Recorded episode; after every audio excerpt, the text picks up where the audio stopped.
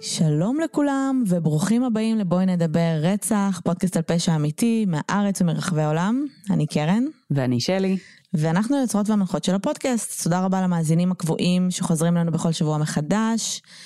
וברוכים הבאים למאזינים החדשים, הגעתם לפודקאסט uh, באווירת סלון קזואלית, כי אנחנו באמת בסלון. Uh, לשם שינוי. פרק, לשם שינוי. כבר הרבה זמן. כשבכל פרק uh, מישהי מאיתנו מביאה, מביאה איזשהו קייס. Uh, שהיא רוצה לדבר עליו, וזה בגדול מה שאנחנו עושות. היום הפרק שלנו קצת שונה. אמת. אה, יש לנו פרק מאוד מיוחד עם אורחת מאוד מיוחדת, ואנחנו מאוד מאוד מתרגשות שאת פה. איזה כיף לי. מעיין בשן. שלום, שלום. מה קורה? נפלא, תודה על ההזדמנות. תודה שבאת. אני מכורה לפודקאסט שלכם, אז uh, מבחינתי זה מתנה. איזה כיף. אז, אז מעיין היא, טוב, יש לה הרבה כובעים, מומחית שפת גוף בין השאר, בעיקר. בעיקר. בואי תספרי לנו קצת. אז uh, בגדול uh, אני מומחית לשפת גוף, אה, אני בוגרת לימודי פרופילאות פלילית ביחידה לקרימינולוגיה של אוניברסיטת אריאל, ומשם, מעבר לחיבה המאוד אה, גדולה אה, לעולם הרצח והפשע, למדתי דבר או שניים במסגרת הלימודים האלה, שהם לימודים נפלאים, ואתם יודעות את זה, כי אתם ממש ברגעים אלה עושות את הקורס הזה. כן. וזה אגב מה שהביא אותי לנושא רומן זדורוב, שעליו אני הולכת לדבר איתכם היום, כי בעקבות הלימודים שם, בעצם צללתי מאוד מאוד לעומק, תכף אני אספר לכם את הכל. כן, בעולם אחר בעצם. היה תופים ברקע, וכאילו כן. דברים, חלונות התפוצצו בזמן שאמרת את זה. כן. כן. זה תיק כן. ש... כל העולם בערך מדבר עליו, ליטרלי כל העולם, לא רק בישראל, mm-hmm. תיק מאוד מאוד מדובר, מאוד חזק, גם תקשורתית, וגם אה, כי הוא אה, מדיר שינה מעיניהם של הרבה מאוד אנשים, בין היתר גם שלי, וזה מה שקרה לי כשנסחפתי לתוך הדבר הזה. אמ, ולפני שאני אתחיל אני חייבת להגיד שהייתי בטוחה שהקטע של ההתחלה שאתם מציגות את הפודקאסט הוא מוקלט אבל סחטים לכם. אה באמת? זה חדש כן אני מופתעת סליחה. נכון, זה נשמע כל הזמן אותו דבר מדהים. כאילו אנחנו אפילו צוחקות על זה של למה לא הקלטנו את זה ולמה אנחנו ממשיכות להגיד את זה כל פעם מחדש. אנחנו אף פעם לא מחליטות את זה. כן. ואנחנו תמיד אומרות שנעשה את זה ולא עושות את זה. נכון. אז אה, אולי זה עדיף ככה. אולי. אז את מעיין הכרנו באמת בקורס. נכון. מעיין היא הייתה מרצה שלנו אה, לשפת גוף, אז זה ממש ממש מגניב שאת פה, באמת שאנחנו ממש מתרגשות. גם לי. אה, סבבה, טוב, קחי אותנו לעולם הזה, שלא רומן זדורוב, בסוף נכנענו, את יודעת. שש שנים לא נגענו בבן אדם, ואני אגיד גם למה, כאילו, א', כי באמת הקייס הזה פשוט לא נגמר, נכון. אולי הוא ייגמר מתישהו, אבל... אולי. ובאמת, זאת אומרת, שקלנו להמתין לכשהוא ייגמר, ואז כן, באמת לדבר עליו. אבל זה, זה לא נגמר. וב', אה, יש כל כך הרבה מידע וכל כך הרבה גם חצי אמית, אמיתות, בלשון המעטה, אה, שאני אגיד את האמת, אני לא עד הסוף יודעת מה אני חושבת על הקייס הזה. אה, אני יכולה... מעיין מתחילה לרעוד. לא, לא, לא, ממש לא, הפוך, הפוך לגמרי. אני לא באה, אה, לא בהרצאה שאני עושה אגב עם אילנה ראדה בעקבות המחקר שעשיתי, ולא היום, אני לא הולכת לשכנע אף אחד אם הוא אשם או לא אשם, זה לא המטרה. המטרה היא לעשות קצת סדר בבלגן, להבין מי נגד מי, מה הכוחות הפועלים בתיק הזה, מה הדברים שאני באופן אישי גיליתי, ואחרי זה שכל אחד יחליט אה, מה הוא חושב. כי אני באמת חושבת שגם אני אפילו, ועל אף העובדה העובדה שהסתמן שאני חושבת שרומן זדורוב לא אשם, עדיין אין פה מאה אחוז איך שלא נהפוך את זה, ברור. וזה נקודה שצריך לקחת אותה בחשבון, אבל כן אני חושבת שבכל נושא בחיים בכלל, באופן כללי, ובטח ובטח באירועים כאלה ספציפיים של רצח, של פשע, יש מקום לשאול את השאלות, לבחון, לחקור לעומק עד כמה שאפשר, כי אחרת איך, איך אנחנו נצא... איך, איך אנחנו נגדל, נגדל את הילדים שלנו כמו שצריך, איזה מין קהילה אנחנו, איזה מין אזרחים אנחנו, איזה מין מדינה, אוקיי? איזה, השאלה שאני כל הזמן מעלה אה, מבחינתי בהרצאה הספציפית הזו, זה איזה חברה אנחנו רוצים להיות. Mm-hmm. וזו השאלה שעמדה לנגד עיניי כשעשיתי את המחקר של, על התיק הספציפי הזה, ואני אשמח ככה לקחת אתכם פנימה ולהסביר לכם איך הגעתי לזה, כי, אה, כי זה גם חשוב בעיניי, אוקיי? ברור. אנחנו אז, כן אה, נסתייג קצת ונאמר שאומנם באמת אנחנו נוגעות בקייס הזה סוף סוף אחרי שש שנים, אה, אבל הוא באמת מאוד גדול, הוא מאוד מסועף, ואנחנו ניגע בו בפריזמה מאוד ספציפית. נכון. זאת אומרת, באמת דרך המקצועיות שלך והניסיון שלך, ו- ודרך זה את תיקחי אותנו באמת לסיפור הזה, אבל יש לו המון המון... כיוונים, סיפורים, זוויות, אה, שעליהם אנחנו לא ניגע, אה, וזו בחירה. אה, אפשר לעשות פוד, כאילו פודקאסט שלם רק על ה case הזה, אוקיי. בהחלט. אה, ואנחנו אה, לא. עושות את זה כרגע. אני רק, אני רק אגיד, בהמשך למה שאמרת, שאני מאוד מסכימה עם מה שאת אומרת, מבחינת זה שה case הזה מאוד משליך גם על החברה. ואני חושבת שדיברנו על זה גם כמה פעמים, שאמרתי לשלי, זה לא רלוונטי אם הוא אשם או לא. מבחינתי, הדרך שבה כל זה התנהל, נכון. זה מה שאנחנו צריכים ללמוד מזה. זה לא רלוונטי, זה באמת לא רלוונטי אם הבן אדם הזה בסוף עשה את זה או לא.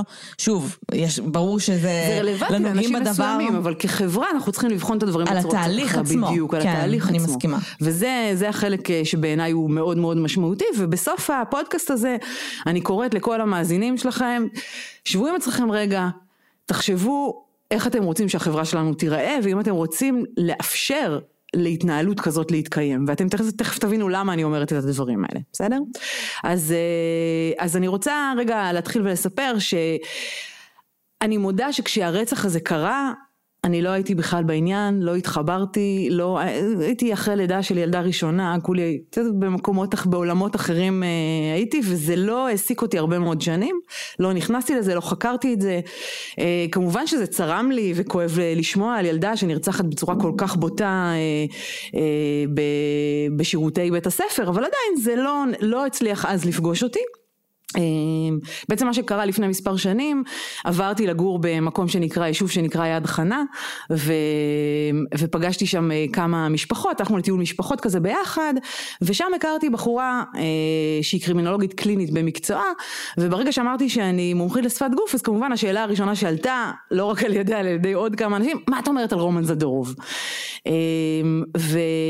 אני מודה שהידע שלי באותה תקופה על רומן זדורוב היה מאוד מאוד מצומצם, הוא הת- התקבץ לשיעור אחד במסגרת לימודי פרופילאות פלילית אה, של אחד החוקרים שבאו ועשו לנו שיעור על חקירת זירה והראה כמה אה, סרטונים מתוך החקירה של רומן זדורוב, מתוך החקירות הראשונות הראשונות של רומן זדורוב ואני זוכרת את עצמי פוערת כמובן שהוא הציג את זה כאילו הוא אשם וניסה ככה להראות אה, איך הם, איך הם עשו את החקירה, דיבר על, על צורת החקירה, על התשאול וכן הלאה ואני יושבת שם ובוהה בסרטים ואני אומרת משהו פה לא מסתדר לי בשום צורה. זה לא שפת גוף של בן אדם אשם בשום צורה איך שלא הופכים את זה להפך. שפת הגוף של רומן זדורוב בחקירות הראשונות הראשונות שלו לא יושבות בקנה אחד עם בן אדם אשם. איך שלא תהפכו את זה. עכשיו צריך להבין משהו מאוד משמעותי על שפת גוף. שפת גוף זה השפה הראשונה שאנחנו מדברים אותה בסדר? אנחנו נולדים עם השפה הזו, היא חלק מה-DNA שלנו, ולמרות שאנחנו חיים בחברה, אה, ובכלל בחיים מאוד אינטנסיביים מבחינת מיילים, זומים, אה, וואטסאפים, טלפונים, תקשורת באמת אה, מטורפת, אז אנחנו פשוט קצת שכחנו, אבל בשורה התחתונה על בסיס מחקרים, עיקר המסר בכל תקשורת באשר היא, זה לא משנה אם זה מול הילדים שלכם, החברים שלכם, ההורים שלכם, הדודים שלכם, הקולגות שלכם או הבוסים שלכם, עיקר המסר מועבר על ידי שפת גוף. ולכן גם אם אני מנסה להסתיר אינפורמציה, עדיין יש זליגות. הגוף מדבר כל הזמן. אם אני יודע לבודד ואני לומד שפת גוף, אני יודע להסתכל על הדברים כמו שהם בצורה נכונה וניטרלית ולעשות את החיבורים כמו שצריך, אני צריכה לראות משהו. כשבן אדם נמצא בחקירה, כשמופעל עליו פרס מאוד מאוד גדול, עדיין אם הוא משקר, אני צריכה לראות מאפיינים של שקר בשפת הגוף שלו, וזה משהו שלא ראיתי בשום צורה אצל רומן זדורוב, ולכן באותו אירוע ספציפי של טיול המשפחות הזה, התפתח ויכוח כמעט עד זוב דם בלשון המעטה, ואני כאילו אומרת את זה, זה היה ממש כאילו צרחות אה, אימים, שאותה שהלכה וקראה את כל הכרעות הדין, ואני לא אגב, היא טענה שהוא אשם, ואני אמרתי לה שלא יכול להיות, לא יכול להיות שרומן זדורוב אשם עם שפת גוף כזו. ושוב, אני מדגישה ואומרת, התפתח ויכוח מטורף, כש, כשנסענו חזרה הביתה, אז אמרתי לטל, הבן זוג שלי, זה, זה, תפסתי את הראש, אמרתי, לא יכול להיות שאני מתווכחת בכזה, בכזה פשן על משהו שבאמת אין לי שום ידע בו. לא חקרתי, לא קראתי שום דבר בהקשר לתיק הזה בשום צורה, חוץ מלהסתמך באמת על כמה סרטונים שראיתי. ואז קרה לי את מה שקרה להרבה מאוד אנשים במדינת ישראל, אגב שוב לא רק במדינת ישראל, בעולם כולו, ונסחפתי בטירוף לתוך התיק הזה, ובמשך שנתיים שלמות, שנתיים שלמות, לא ראיתי לא שישי שבת ולא לילות, פשוט ישבתי וחקרתי וחקרתי וחקרתי וקראתי, ו, ובאמת כאילו נכנסתי לכל, לעובי הקורה בצורה הכי מדוקדקת שאפשר, קראתי את כל uh, תכני החקירה למיניהם, עברתי על כל העדויות בתיק, תחשבו זה כמויות אדירות של, uh, של עדויות, צפיתי בכל הסרטונים. uh, נפגשתי עם עשרות אנשים שקשורים במישרין או בעקיפין לתיק הזה, החל אגב מדוקטור חן קוגל, איש יקר, ראש המכון לרפואה משפטית אה, אזרחים כמוני, כמוכם, שהתיק הזה מדיר שינה מעיניהם. פגשתי את אולגה זדורוב אצלה בבית, אה, שזו הייתה פגישה מאוד אה, לא פשוטה עבורי, כי אחרי שהיא השקיעה את כל הכסף שלה והלוואות על הלוואות כדי לנסות למצוא מזור משפטי לבעל שלה, היא נשארה בלי כלום. וזה היה נורא נורא עצוב לראות, שאתה מגיע לבית שיש בו ילדים קטנים ואין שם צעצועים ואין שם משחקים, ואפילו לכבד אותנו במשהו לא היה לה, והיא נורא התביישה. אז זו הייתה פגישה מאוד לא פשוטה. פשוטה, אה, פגשתי אה, באמת כאילו אה, את חברות של תאיר ראדה מכל הסוגים, אפילו נסעתי לדנמרק כדי לפגוש את אחת החברות.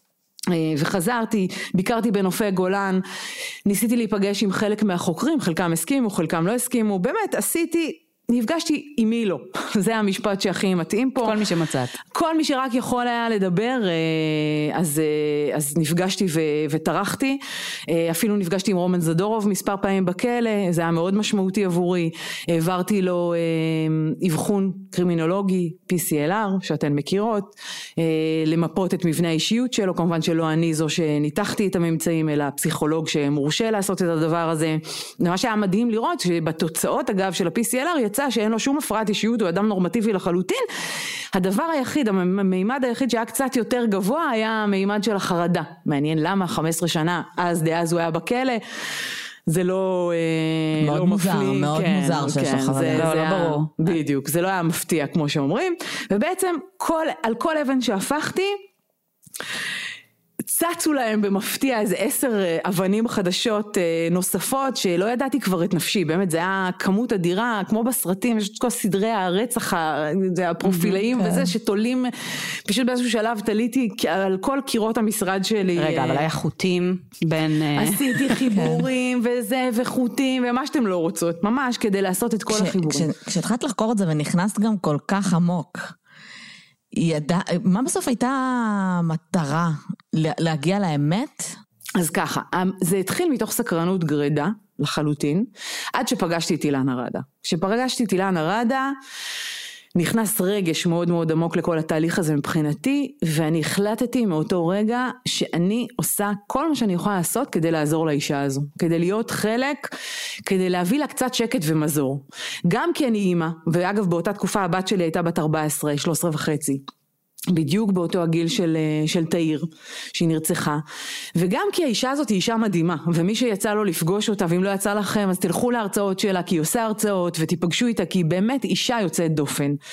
ובאותו רגע שפגשתי אותה החלטתי שלא משנה מה, אני צריכה, לא משנה מה אני אגלה בסוף, העיקר שהאמת תצא לאור, כי האישה הזו היא, היא, אני חושבת שזה מה שאוחז אותה בחיים. הרצון למצוא ולדעת מה בדיוק קרה לבת שלה, ומי רצח אותה מן הסתם, וזה מחזיק אותה, והאישה הזאת לא איבדה רק את הילדה שלה.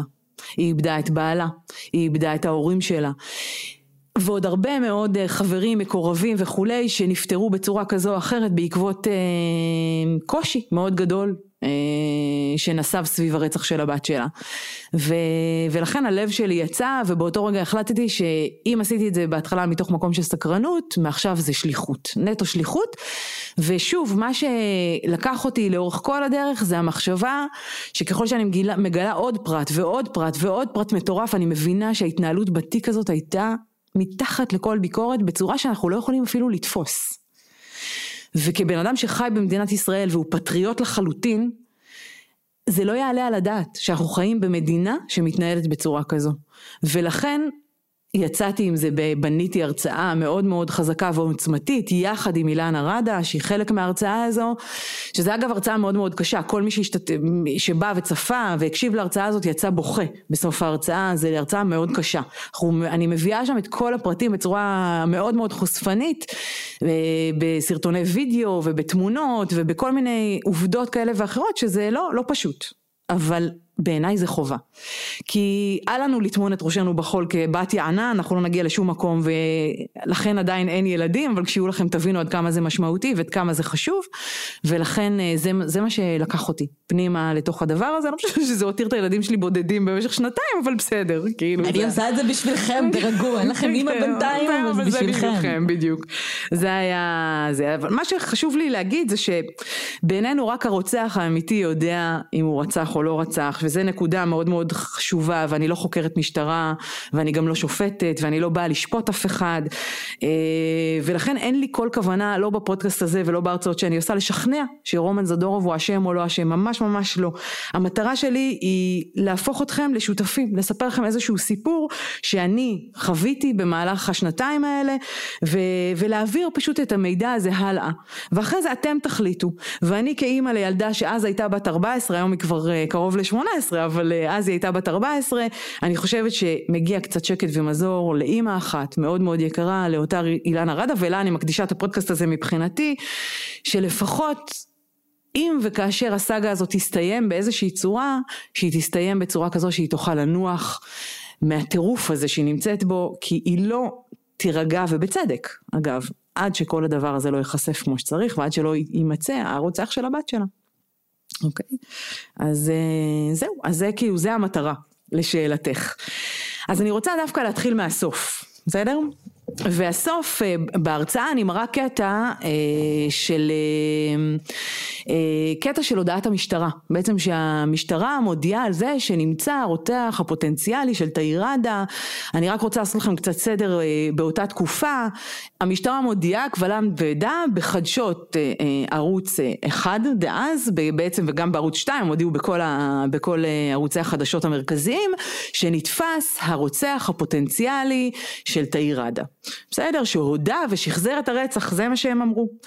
כשאני מסתכלת על, ה, על, ה, אה, על ההודעה ששודרה בתקשורת, אני קולטת שרשום שמסיבת עיתונאים התקיימה בשעה שמונה ועשרים. שמונה ועשרים בערב, הודע, הודיעו, משטרת ישראל הודיעה, קבל עם ועדה לכל מדינת ישראל שנמצא הרוצח הפוטנציאלי ששחזר והודה ברצח של תאיר ראדה. ואז אני הולכת לסרטוני החקירה שנתקלתי בהם, ואני מגלה לתדהמתי שהשחזור, אוקיי, רק התחיל בעצם בשעה, רגע אני אהיה מדויקת כדי ש... שאנחנו נהיה מדויקים, השחזור אה, אה, התנהל בעצם, רגע שנייה חכו, כדי שאני לא אתבלבל. פאוזה דרמטית. כן, פאוזה דרמטית, בשעה 9.36. זאת אומרת, הם אמרו שהוא הודה ושחזר לפני שהוא שחזר. לפני שהוא שחזר, לפני שהוא הודה, לפני שהשחזור בכלל הסתיים. אוקיי, השחזור הסתיים בשעה 9.36 בערב, כשההודעה למדינת ישראל בכל ערוצי התקשורת הייתה בשעה 8 ו-20. Mm-hmm. איך קורה דבר כמה כזה? כמה נוח. כמה נוח. לא רק נוח, מדליק, אפרופו נורות אדומות, אמרתי רגע רגע משהו פה לא מסתדר לי, איך יכול להיות שה, שכבר המשטרה רצה לספר לכל העולם שיש רוצח פוטנציאלים ששחזר והודה כשהוא בכלל עוד לא שחזר והודה. אני אהיה ה-Devil's Advocate בפרק הזה ואני אגיד, יגידו אנשים ש... עד השלב הזה, עד שמונה, בסדר? שחזור לוקח הרי כמה שעות, נכון? נכון.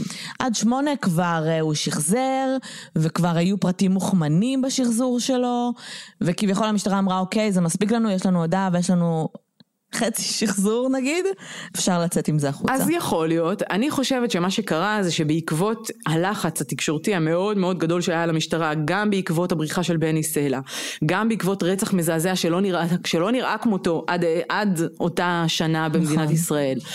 אה, אז המדינה רצה מהר מהר מהר מהר כדי, אה, אה, המשטרה, סליחה לא המדינה, המשטרה רצה מהר מהר מהר לתת ולספר שהם כבר מצאו כדי להרגיע את הציבור להרגיע. ולהרגיע את הלחץ התקשורתי שהיה.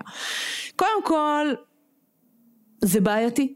זה בעייתי, גם אם יש להם תירוצים מאוד מוצלחים לדבר הזה, עדיין זה לא מקצועי, כי הרי כשמעבירים ועושים אה, שחזור, אתה צריך לבדוק את הפרטים, לעבור על השחזור, לחבר אותו עם הפרטים שנלקחו אה, בחקירות לפני זה, לעשות השוואה. יש פה עוד עבודה מאוד כן. מאוד רבה על כל התהליך הזה לפני שבאים ויוצאים בכזאת הודעה דרמטית. ולכן זה כבר מעלה שאלות. ואני באותו רגע נדלקה לי נורה אדומה, אמרתי רגע רגע מה קורה פה? מבחינת המשטרה, התפקוד שלה. של החקירה, של, של, של תיאום האינפורמציה, של אלף ואחד דברים שצריך לקחת בחשבון, ופה זה לא נעשה כמו שצריך. ולכן כבר מבחינתי נדלקה לי נורה אדומה, לטוב או לרע, אנחנו צריכים לבדוק את זה, וזה היה הדבר הראשון שככה התחלתי איתו, ואז נכנסתי ככה לעומק אה, של הדברים, ואני רק רוצה ככה לפתוח סוגריים ולהגיד אה, למאזינים, תדמיינו רגע את עצמכם, בסדר? דמיינו רגע סיטואציה שמופעל עליכם לחץ מטורף. בסדר? לחץ מטורף של חקירות אינסופיות. אתם לא דוברים את השפה בשום צורה, אתם לא מבינים מילה. אוקיי? אתם לא אוכלים, אתם לא שותים, אתם יורדים בעשרה ימים שמונה קילוגרמים משלכם, שתבינו, זה מה שקרה לא לאורמן זדורוב, בסדר? אה, אתם רואים מולכם דמויות כאלה ואחרות מאוד מאוד מאיימות. בהרצאה אני מראה קטעים של, אה, של החוקר בלי סאונד. Mm-hmm. בסדר? אני מבקשת מהצופים בהרצאה שיסתכלו רגע על שפת הגוף של החוקר, של החוקרים. ושפת הגוף של החוקרים היא מאוד מאוד מאיימת. אני אקח את זה לעולם של שפת הגוף ואני אסביר שלמשל כשבן אדם מדבר, כשטונוס השרירים שלו מאוד גבוה והתנועות הן חותכות, זה נקרא סטקטו בשפת גוף, והן נכנסות לטריטוריה האינטימית של הבן אדם, ואין מרווח ואין מקום ואין, ויש אינטנסיביות מאוד מאוד גדולה גם מבחינת המלל, הטונציה וגם מבחינת אה, תנועות הגוף, ואצבע מאשימה ואצבעות מכוונות קדימה, זה נורא נורא מלחיץ. אם אתה לא מדבר את השפה, זה כמו אנשים שהם חרשים. בסדר? הם בעצם נותנים אה, אה, תוספת מאוד מאוד גדולה לשפת הגוף. כן. שגם ככה היא זו שקובעת בלמעלה מ-90% בכל תקשורת, אז תחשבי כשאין לך את המימד של ההבנה של השפה זה עוד יותר גבוה. ולכן בסיטואציה כזו, אני רוצה לפנות למאזינים ולשאול אותם, תגידו לי אתם, האם אתם בסיטואציה כזו של חקירות אינטנסיביות, יום ולילה, לא נותנים לכם שקט, בלילות משיבים לכם מדובב שהוא לא יודע שהוא מדובב, בחדר, שלא מרפה, שממשיך לשאול, שלא mm. עוזב, אתם לא אוכלים, אתם לא שותים וכולי, האם יכול להיות מצב, איזשהו מצב, ופה אני שואלת אתכם כי אין לנו שיח עם, עם המאזינים, האם יכול להיות שאתן הייתן מודות בפשע כל כך מזעזע שלא ביצעתן?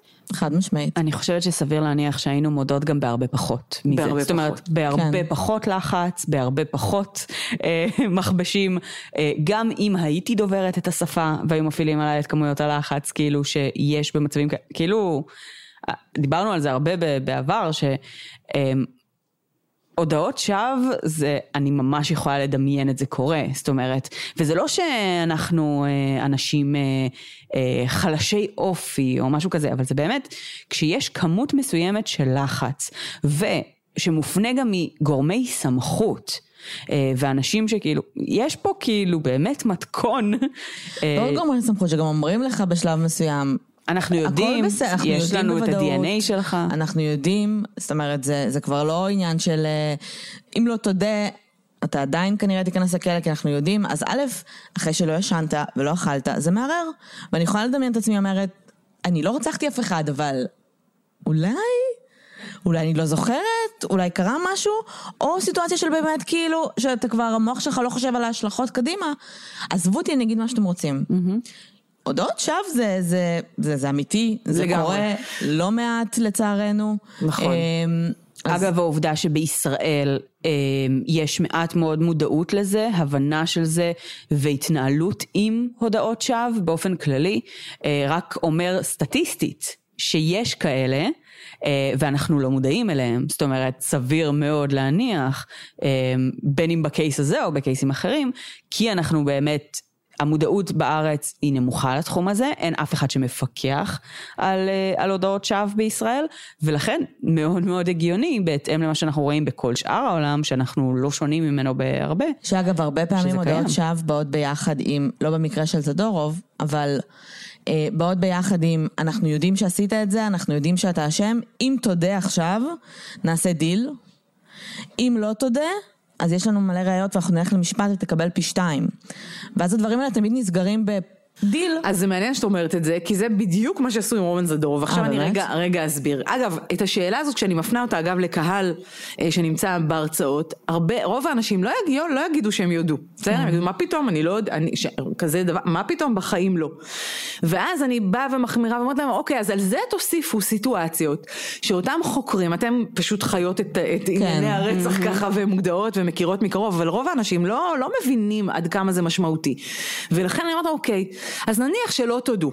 ואם יבואו באותה סיטואציה שאתם לא מבינים את השפה וכולי, ויגידו לכם שנמצא דם על הדם של הנערה, על, על הכלים שלכם, ועל הבגדים שלכם, ויספרו לכם כל מיני סיפורים שקריים, אגב שהם קבילים לחלוטין כשיטון נכון, חקירה נכון. אה, מקובלות לחלוטין. תקינות ומותרות. האם עכשיו כן הייתם מודים? כנראה שכן, בסדר? אבל עדיין הנושא הזה של הודעות שווא עניין אה, המון המון אנשים, אה, הרבה, בהרבה מאוד מדינות ובהרבה מאוד, ו, והרבה מאוד שנים, ונעשה, וכשהתחלתי לחקור את הנושא הזה בעצם גיליתי על פרויקט החפות. שמעתם על פרויקט בטח. החפות? אוקיי. אז אני רק אספר ל... למאזינים כי אולי הם לא שמעו, בשנת 1992 אה, בעקבות פרויקט שנעשה פרויקט החפות, בעצם מה שעשו לקחו אה, אה, כמות מאוד גדולה של תיקים שנשמרו מהם אה, דגימות DNA, מה שלא היה עד שנת האלפיים, ה-DNA נכנס איפשהו בשנות האלפיים פחות או יותר, ועשו בדיקה אה, בקרב אסירים שהורשעו ונידונו, שהורשעו אה, בתיקי אונס מאוד קשים ורצח מאוד מאוד קשים, אה, ואותם אנשים אה, נשפטו או למאסרי עולם או, ל, או כנידונים למוות, אגב, כן. וגילו דבר מטורף. עשו השוואה בין אותו DNA שנמצא בזירה ל-DNA של הבן אדם שיושב בכלא, וגילו שה-DNA לא תואם.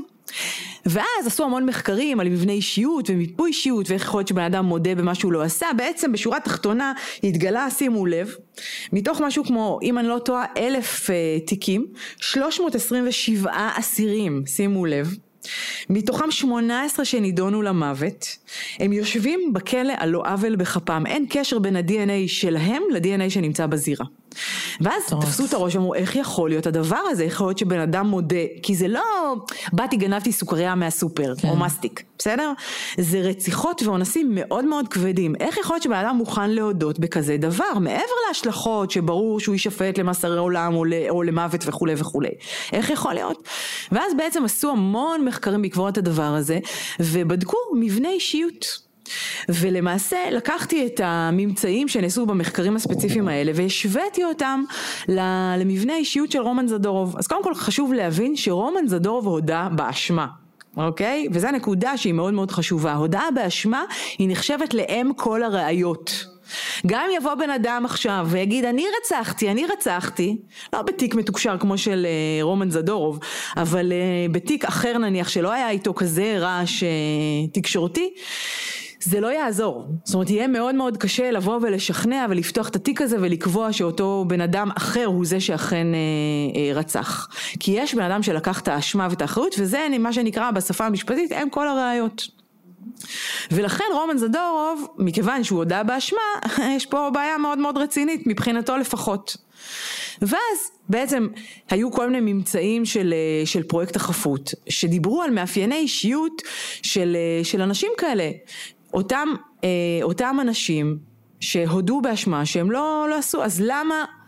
אבל לפני שאני נכנסת למבנה האישיות ואיך זה יושב אחד לאחד עם מבנה האישיות של רומן זדורוב, אני רוצה רגע אה, כן לחשוף ולדבר על למה בכל זאת החוקרים חשבו, מה זה חשבו? היו בטוחים, והם עד היום אגב רובם בטוחים שרומן זדורוב הוא זה שאשם, ויש כמובן אוכלוסייה מאוד מאוד גדולה, גדולה ב- אה, במדינת ישראל שעדיין חושבים שרומן זדורוב הוא אכן הרוצח, בסדר?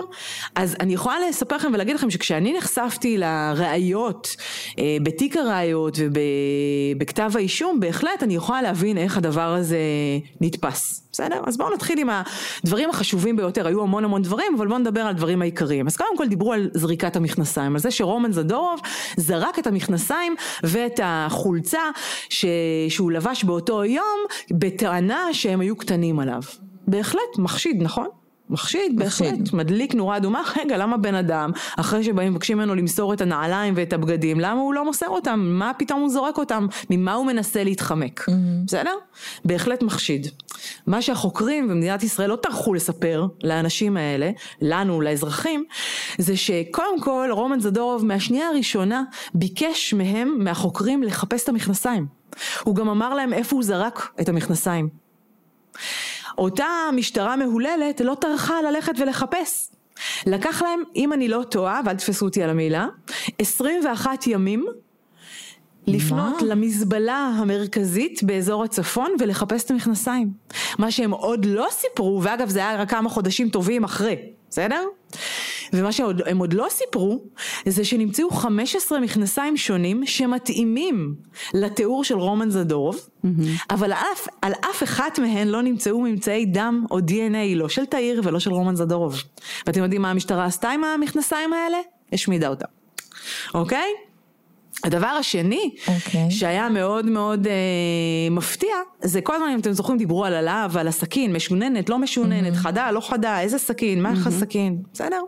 רומן זדורוב תיאר בחקירות שלו שהוא השתמש בסכין לטובת העבודה שלו, היה קבלן שיפוצים, הוא השתמש ב, אה, בסכין יפנית, אבל זה לא הסכין יפנית שאנחנו מכירות, הקטנה, הכתומה, הנחמדה שיש לנו בבית, אלא סכין יפנית של, אה, של קבלנים, סכין יפנית יחסית גדולה, בסדר, עם תר יחסית גדול, שניתן, כמו בסכין ר- יפנית רגילה, לשבור את, ה, את השפיצים שלה ברגע שהשפיץ נש, נשחק.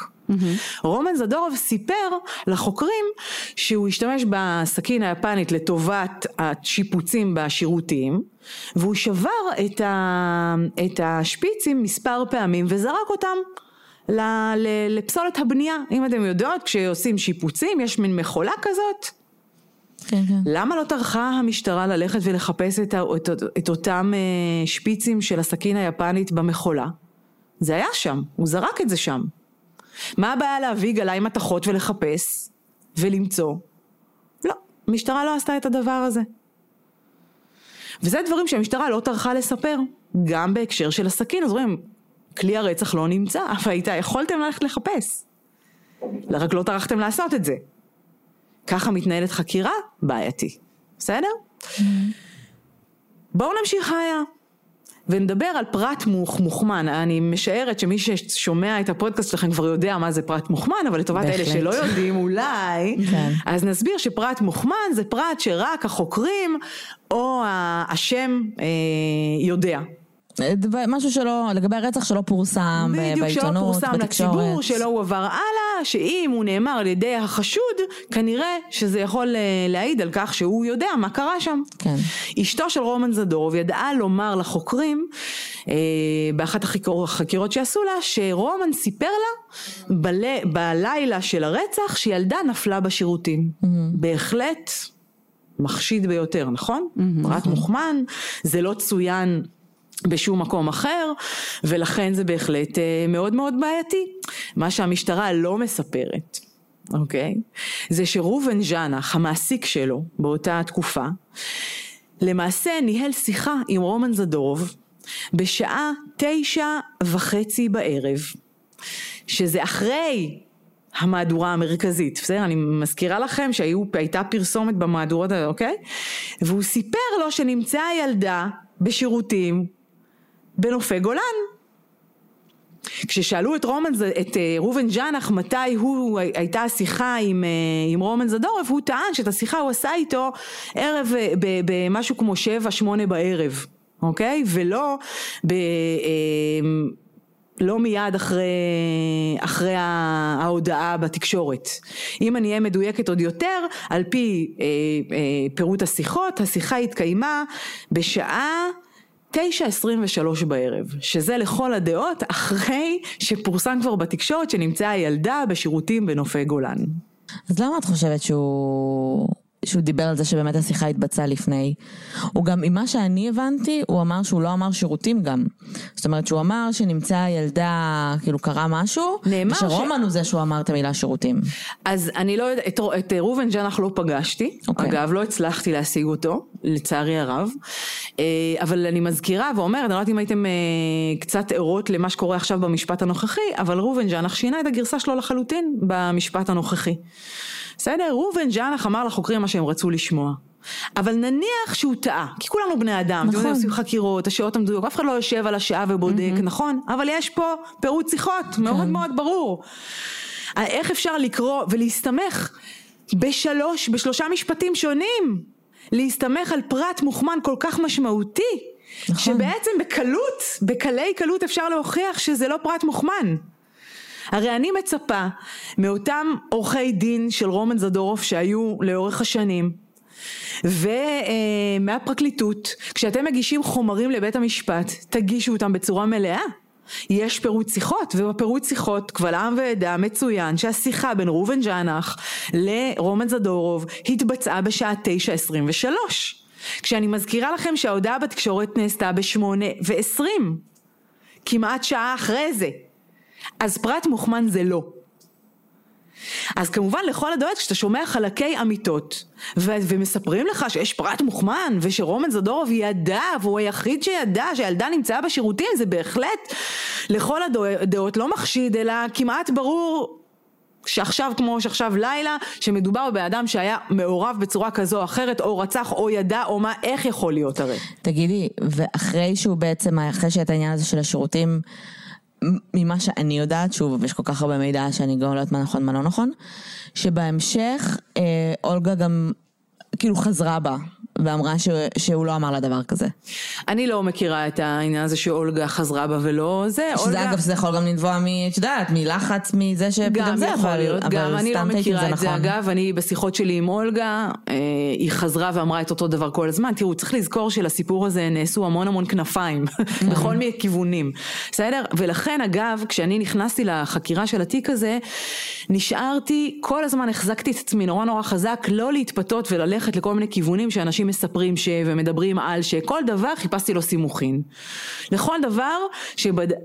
בדקתי סימוכין, אמרתי אוקיי, הוא אמר זה וזה, אשתו אמרה שהוא אמר שילדה נפלה בשירותים, רגע, באיזה שעה נעשתה עם אה, ראובן ג'אנח? אוקיי, לא מסתדר. עכשיו בואו, אני לא חוקרת משטרה. זה א' ב' של חוקר.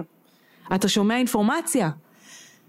אתה גומר לאנשים את החיים, אתה יכול לגרום, מה זה יכול? אתה גומר לבן אדם את החיים על בסיס מה? אז אם אתה כבר בא וקובע שזה פרט מוכמן, וזה גם מה שמוגש לשופטים בבית המשפט, רגע תבדקו, זה א', זה הדבר הראשון שעשיתי, לבדוק את הפירוט שיחות.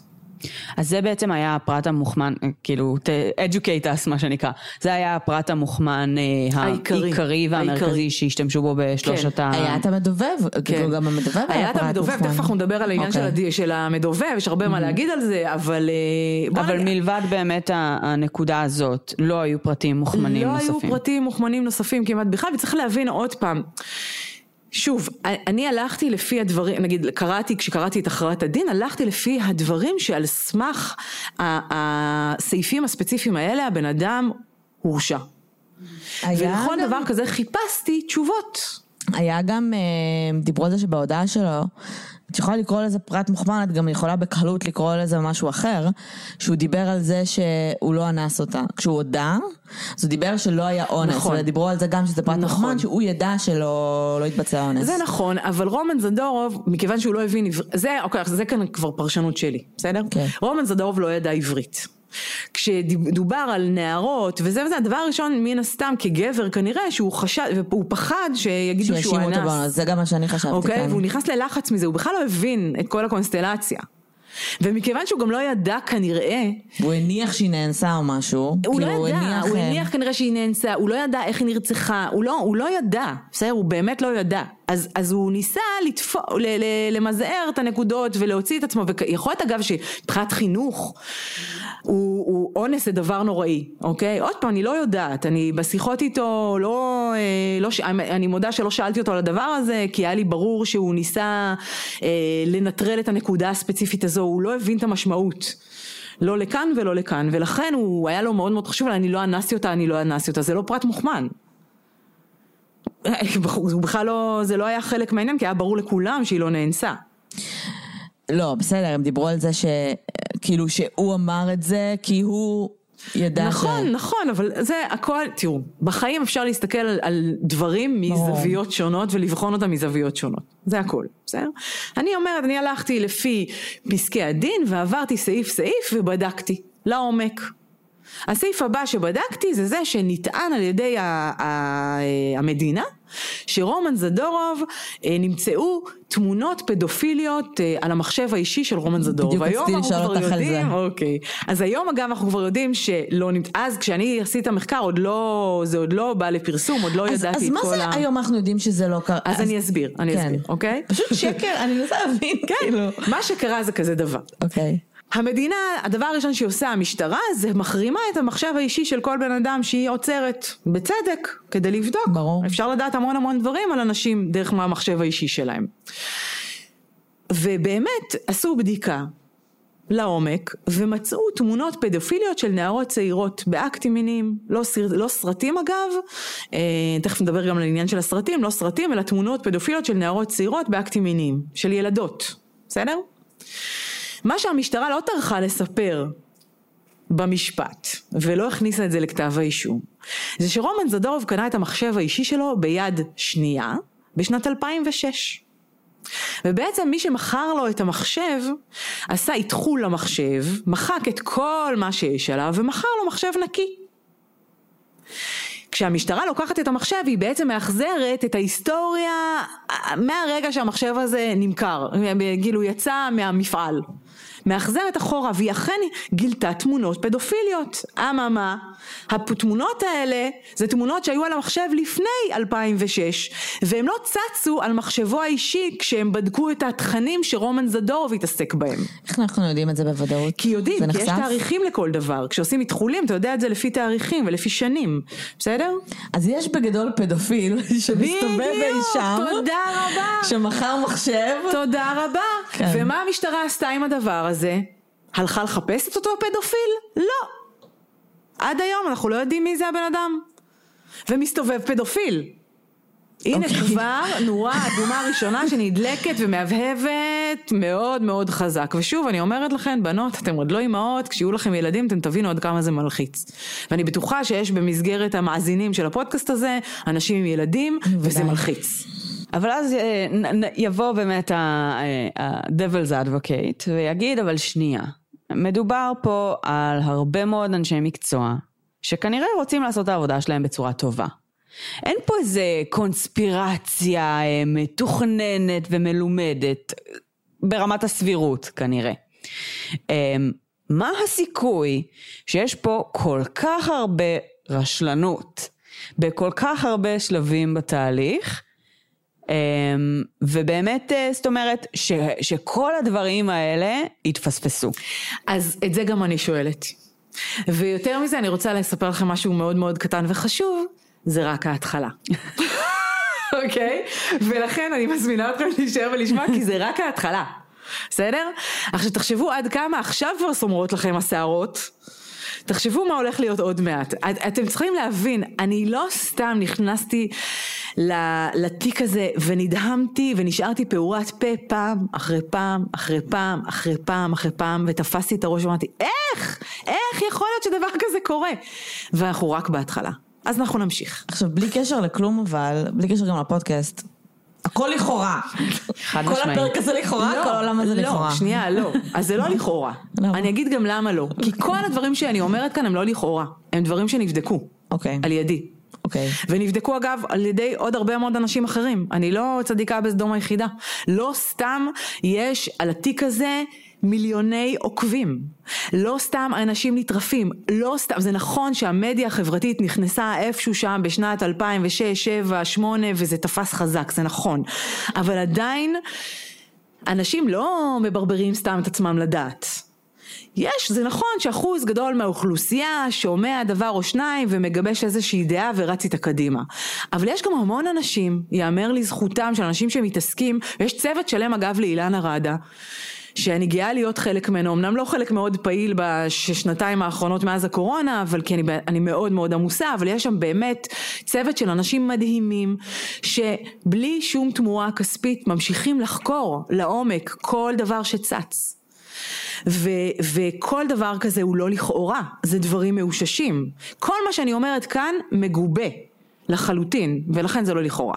אני לא מדברת על דברים בעלמא, אני מדברת על דברים מוכחים שקראתי, שום דבר הוא לא פרי דמיוני. הכל מוכח, כתוב מתוך אגב כל חומרי החקירה של המשטרה, שזלגו ויצאו בצורה מטורפת החוצה. בסדר? אז שום דבר פה הוא לא באמת לכאורה. אז רגע בואו אה, שנייה נחזור, כי באמת אמרנו שזה קצה, קצה קצהו של הקרחון, אני רוצה להמשיך עם עוד דברים שמצאתי בהכרעות הדין והפרחתי אותם, או לא הפרחתי אותם, אלא הוכחתי שהם לא בדיוק הוצגו כמו שהם היו אמורות להיות מוצגות. אחד הדברים הנוספים שאמרו על אה, רומן זדורוב, שנמצא על המחשב האישי שלו, נמצאו סרטי סנאף. אתם יודעים מה זה סרטי סנאף? כן, זוועת עולם, סרטים אמיתיים של רצח אמיתי, של אונס אמיתי. אה, אפשר ש... רגע כאילו לבדוק מי היה הבחור הזה שהוא קנה ממנו את המחשב? כן. כן, בקריאה, בקריאה, באמת, מה אה, קורה? משטרת ישראל, בואו תבדקו ממי הוא קנה את המחשב ותתפסו את הבן אדם, כי זה מזעזע. אגב, במקרה הספציפי הזה של הסרטי snuff, זה לא היה ולא נברא אה, לחלוטין. אוקיי. מה שהמשטרה מצאה... אז הוא רק פדופיל, זה כן, בסדר. הוא רק כן, פדופיל. בקטנה. מה שהמשטרה מצאה, שימו לב, זה את צמד המילים sex ו police.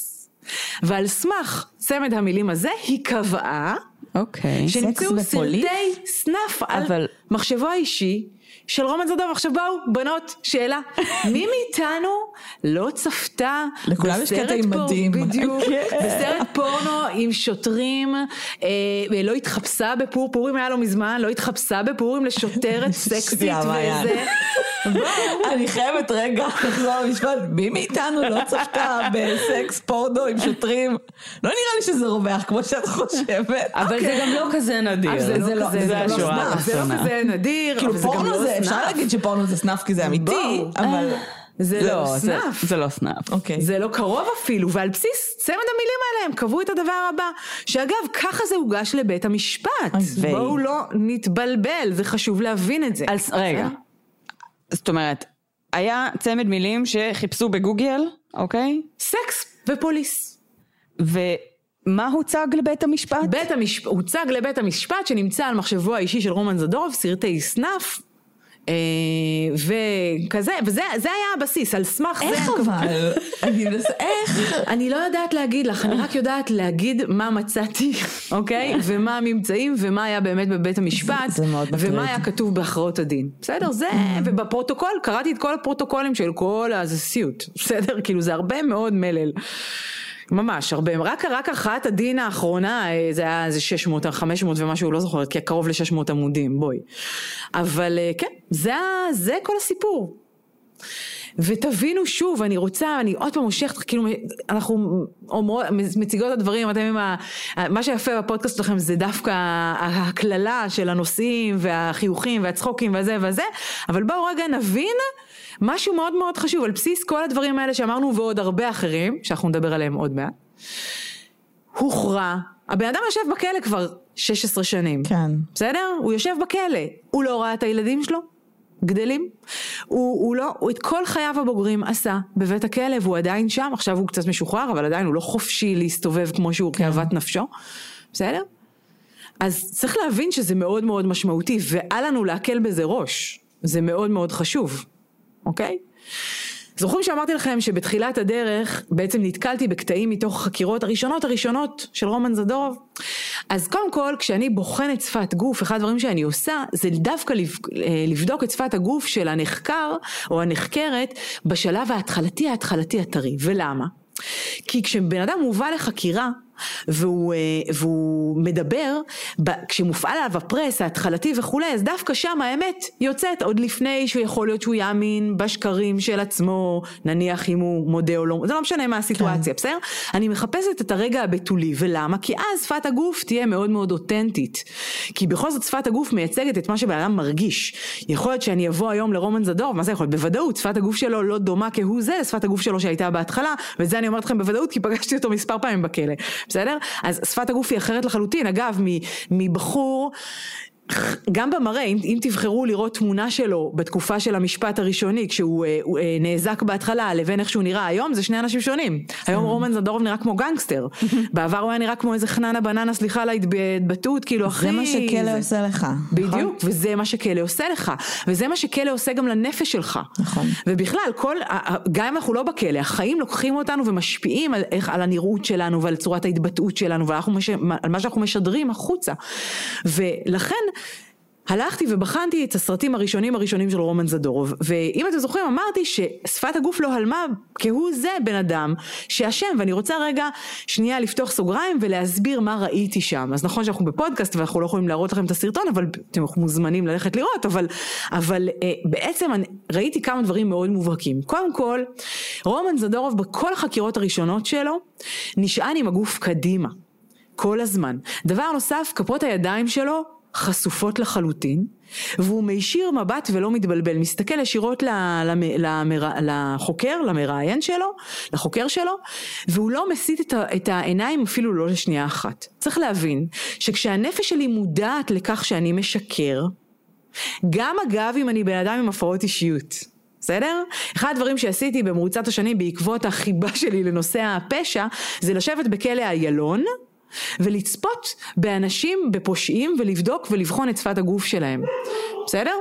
אז גם אצל אנשים עם הפרעות אישיות, בכל מיני ועדות שישבתי, ראיתי שכשהם משקרים עדיין אנחנו רואים סימנים מובהקים של שקר, אמנם הם מגיעים בקונסטלציה קצת שונה מבן אדם נורמטיבי, אבל עדיין אנחנו יכולים לראות את אותם דברים. כן. אחד הדברים שלא מתאימים לבן אדם שמשקר, למשל פנים כף היד שלי בשפת הגוף משקף את תת המודע. רומן זדורוב חושף כל הזמן את פנים כף היד שלו. תחשבו שהוא נמצא בלחץ מטורף, מה עכשיו יגיד רגע אני אחשוף את פנים כף היד, אני לא אחשוף, זה בעייתי, אוקיי? זה לא עובד ככה. דבר נוסף, כשבן אדם משקר, אחד הדברים שקורים לי באופן אוטומטי זה אני מצטנף בתוך עצמי, אני כאילו מנסה לצמצם את הנוכחות שלי בחלל. הרבה פעמים זה ילווה גם בתנועה אחורה. כאילו אני מנסה לברוח מהבן אדם שמדבר איתי, שמאשים אותי, או בן אדם שאני משקר לו. אצל רומן זדוב הפעולה הייתה הפוכה, הוא התקרב עם הגוף מאוד מאוד קרוב למראיין אפילו שהיה שולחן באמצע, הוא כמעט עלה על השולחן, הוא ממש היה ב...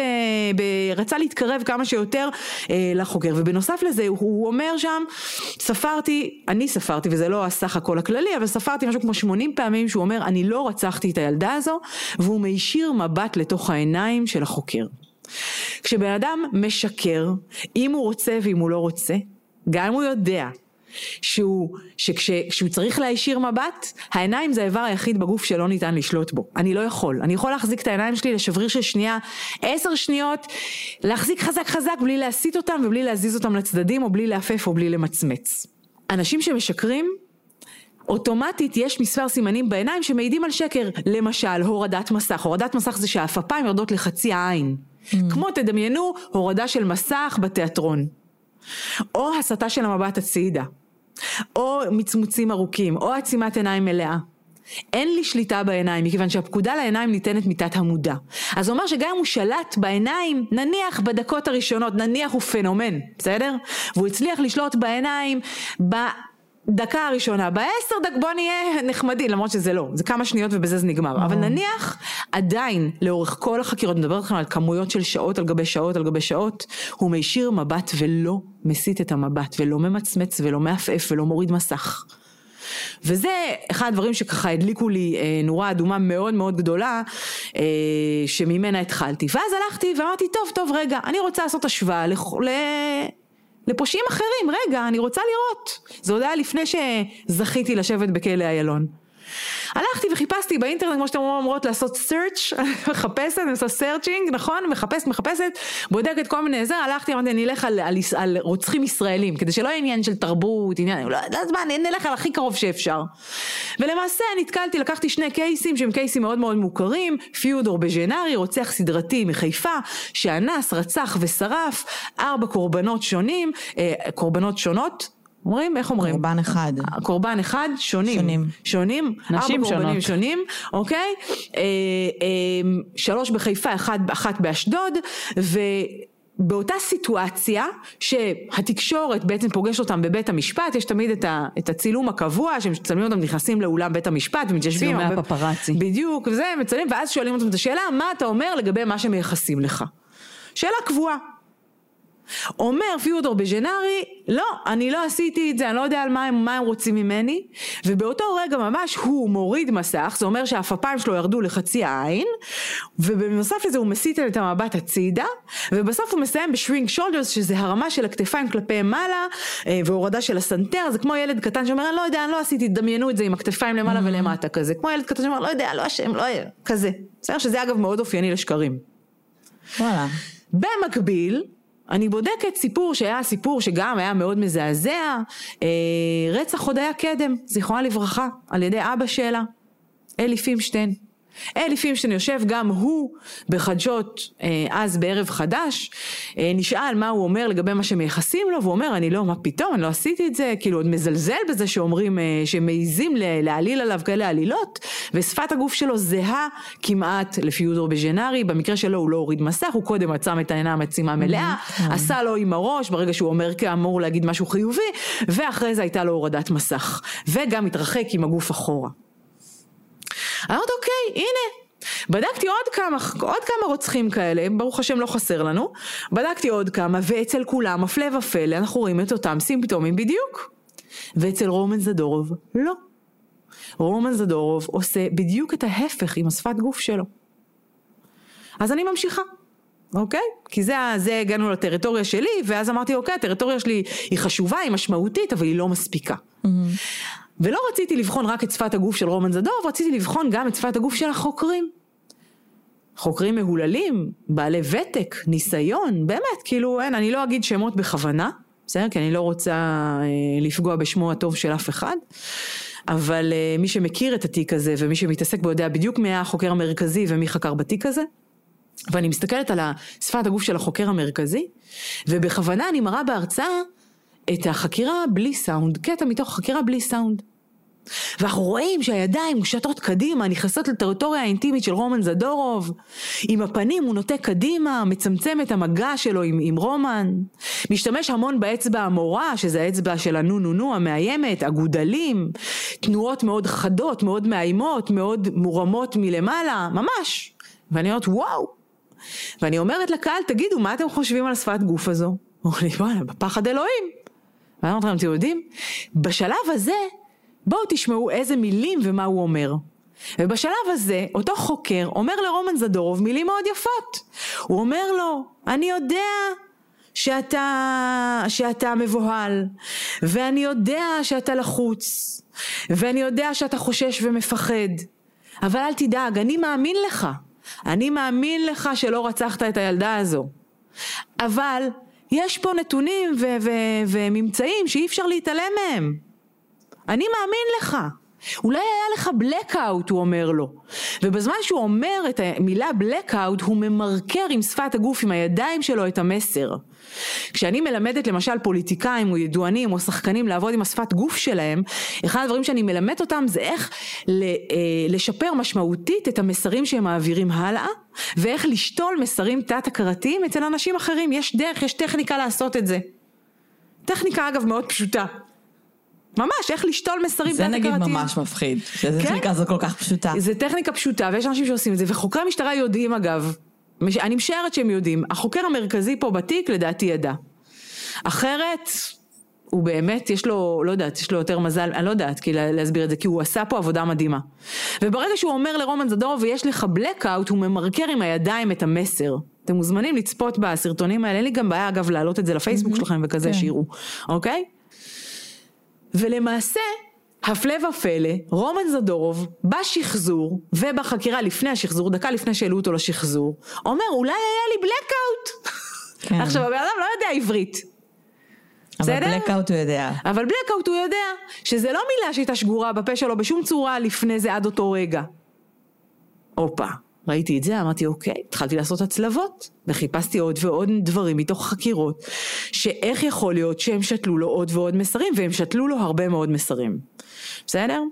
אחד המסרים הנוספים שהם שתלו לו, זה, אה, אני מתלבטת עם, עם אה, אני אגיד את זה עכשיו. אגב, אחד הדברים ש, אה, שמצאתי בחקירות שעשו לרומן זדור, זה המון המון רגעים שהוא מודה וחוזר בו, מודה וחוזר בו, מודה כן. וחוזר בו. במחקרים שעשו בפרויקט החפות, גילו שזה אחד המאפיינים המאוד מאוד בולטים לאנשים שמודים בפשע שהם לא ביצעו. אוקיי? דיברנו על מאפיינים אישיותיים. אנחנו תכף ניכנס למאפיינים אוקיי, לא, האישיותיים. היה לי כאילו בלק של... דיברנו? היה לך בלקאוט? היה לי בלקאוט. היא סימנה לך והשתילה לך מסר? לא דיברנו על זה, אנחנו עוד מעט אוקיי, אוקיי, נגיע לזה. בכל מקרה, אחד הממצאים שככה מתחברים לפני שאני מגיעה לדבר הזה, אה, כי אני רוצה לקשר את זה פשוט לזירה, בגלל זה אני אה, עוצרת עם זה, זה שהוא מודה וחוזר בו מאות פעמים. וזה אחד המאפיינים המאוד מאוד בולטים שעולים מפרויקט החפות, מהחקירות שעשו בפרויקט החפות, שאנשים שהודו בפשע שהם לא ביצעו, יודו ויחזרו בהם המון המון פעמים, אוקיי? אז זה מה שקורה עם רומן זדורוב, הוא אומר להם אני עשיתי, ואז אני לא עשיתי, ואז בסוף אגב, בסוף הסרטון הזה שאני מראה בהרצאות שלי, אני מראה שהוא אומר כן, טוב, אתה יודע מה, כמו ילד קטן שנמאס לו להתווכח עם אמא שלו, הוא אומר טוב, רצחתי אותה, כן, לקחתי, עשיתי לקחה בצד, וזהו, בסדר, רצחתי אותה, אבל הוא לא מתאר נכון את איך שהוא רצח. אז. הוא אומר, לקחתי סכין ושחטתי אותה. אז הוא שואל אותו החוקר, איך עשית את זה? איך עשית את זה? הוא אומר, בגרון, בגרון, שחטתי אותה ככה, פעם אחת. פעם אחת? לא. אוקיי? מתוך הדוח הפתולוגי, תאיר ראדה, אני רציתי להשאיר את זה לאחר כך, אבל, אבל אני לא יכולה להתאפק, אז אני אגיד את זה עכשיו.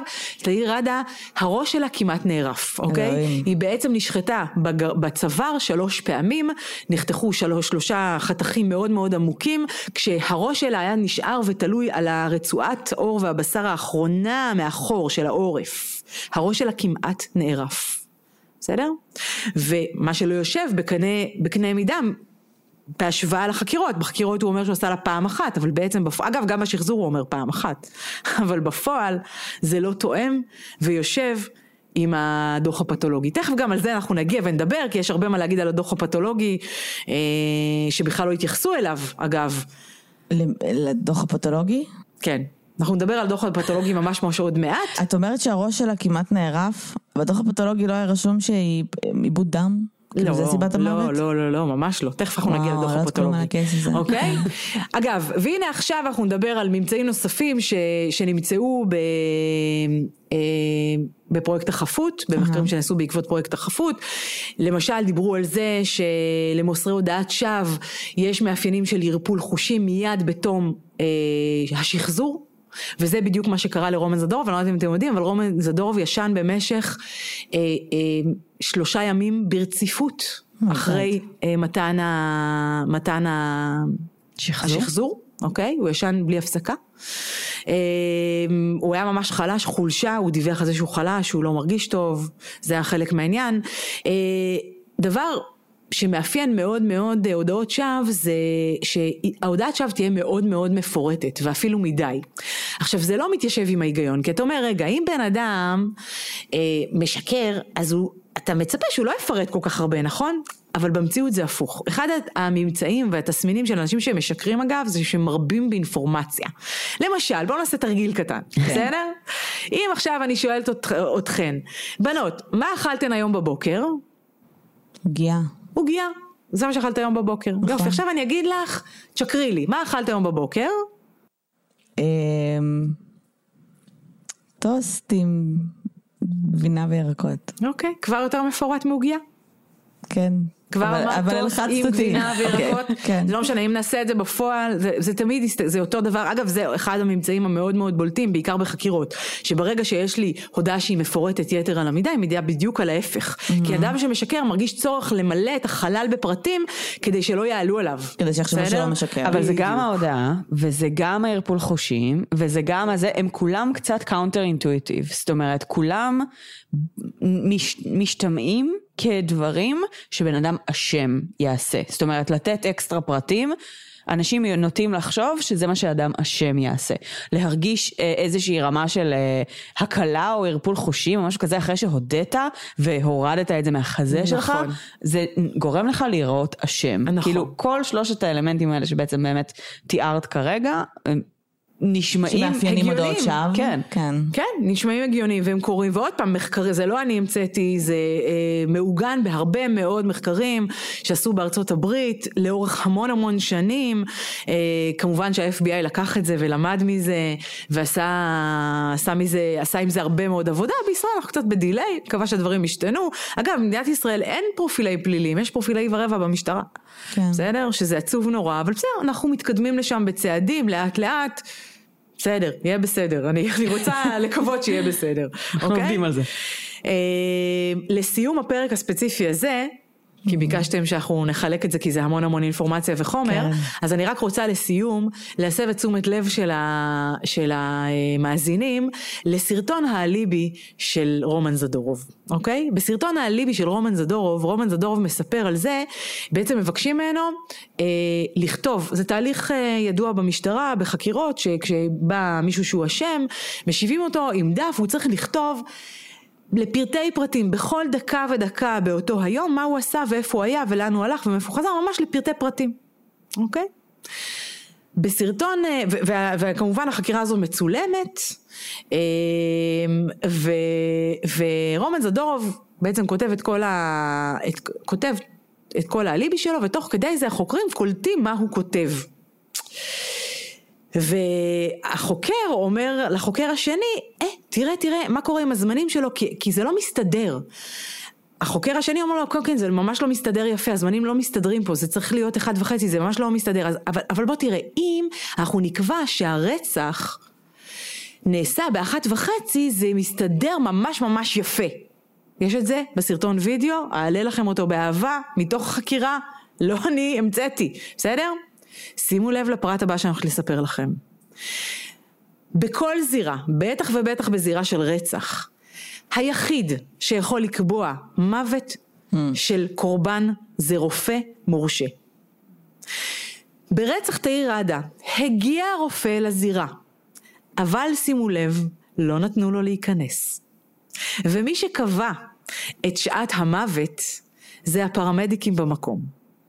למה זה נורא מצמרר ואיום? מכיוון שקביעת שעת המוות המדויקת היא קריטית לכל החשודים הפוטנציאליים כדי להציב אליבי. ולא רק זה, יש לה עוד המון המון המון המון אה, אה, ניואנסים חשובים מאוד בתהליך של חקירה, מכיוון שעל ידי צפידות של, של גופה, ואיפה שנזל הדם, והמון המון, והקשיחות של הגופה, ועוד כל מיני התקשרות של הגופה, ועוד כל מיני אה, ניואנסים בחקירה, הם קריטיים לטובת החקירה. אבל אלה דברים בעצם שאמור, אה, זאת אומרת, רק רופא. חוקר לא- אחר המוות אה, בעצם בנתיחה, נכון, אה, אבל, אה, אבל ל- לאמוד את נכון, זמן המוות. אבל, אבל הרופא שמגיע לזירה, הוא, הוא נותן חוות דעת. זה לא נגמר רק בלקבוע שאוקיי הגופה הונחה בזווית הזו ובזווית הזו. זה, הוא, הוא ממלא שם המון המון פרטים, בין היתר גם לפי ממצאים של צפידות גופה, של התקררות, של אה, אה, אה, אה, השפרצות הדם, של המון המון דברים ונתונים שאמור, שאמורים להיות כתובים לצורך החקירה המאוחרת. ושעת המוות היא קריטית מכיוון שהיא מאפשרת לאנשים לייצג ולהציג אליבי. וברגע כאילו ש... אונליין, כאילו הצפידות, איך הגופה נראית, לא לפני שהיא מגיעה לפתולוג. לפני, זה, זה, זה, ההתחלה, ההתחלה, ההתחלה, ההתחלה, יש תיעוד התחלתי שרופא על ידי הסתכלות וניסיון הוא יכול לקבוע, הוא לא קובע במה וזה, אבל הוא יכול לכתוב את הממצאים ואת חוות דעתו, את חוות דעתו במקום, ובטח ובטח להגיד, אוקיי, פחות או יותר מתי הגופה הזו, אה, מתי הקורבן נרצח. במקרה הספציפי הזה היה מאוד נוח למשטרה, ואני לא מתבלבלת להגיד, לא לאפשר לאותו רופא להיכנס לזירה. פשוט לא אפשרו לו להיכנס, שזה הזיה. למרות שבשלב לא הזירה מגיע. אין פה איזשהו, אין פה איזה אג'נדה של אנחנו צריכים לס- לסדר איזה timeline. אני לא בטוחה. אין עדיין חשוד. אני עוד לא יודעת. אוקיי. זה בדיוק העניין. שאני אומרת, תראו, שוב, אני מסתמכת על נתונים proper יבשים. עובדתית, קראתי עדות של רופא שכתב בעדות שהוא הגיע ולא נתנו לו להיכנס. והוא לא יודע למה. והוא לא יודע למה, אבל לא נתנו לו להיכנס. הגיע רופא. אחרי זה הספקולציות של רגע, למה מלכתחילה לא נתנו לרופא להיכנס? הרי זה, פרו, זה כאילו, יש פרוטוקולים, יש נהלים לדברים האלה, זה לא החלטה של איזה שוטר זוטר א', שוטר זוטר ב', או, או לא שוטר בכיר כזה או אחר, זה בכלל לא רלוונטי.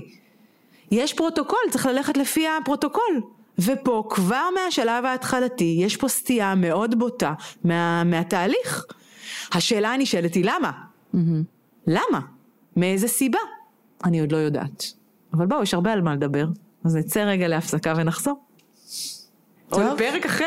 אנחנו נסיים את הפרק פה. אוקיי. תכננו לעשות פרק אחד, גילוי נאות, זה לא כן. יקרה. אני מקווה שנסיים את זה בשתיים. כמו שאמרנו. לפני שעה, אפשר לדבר על זה, על הקייס הזה. לעשות פודקאסט שלם. ממש הרבה.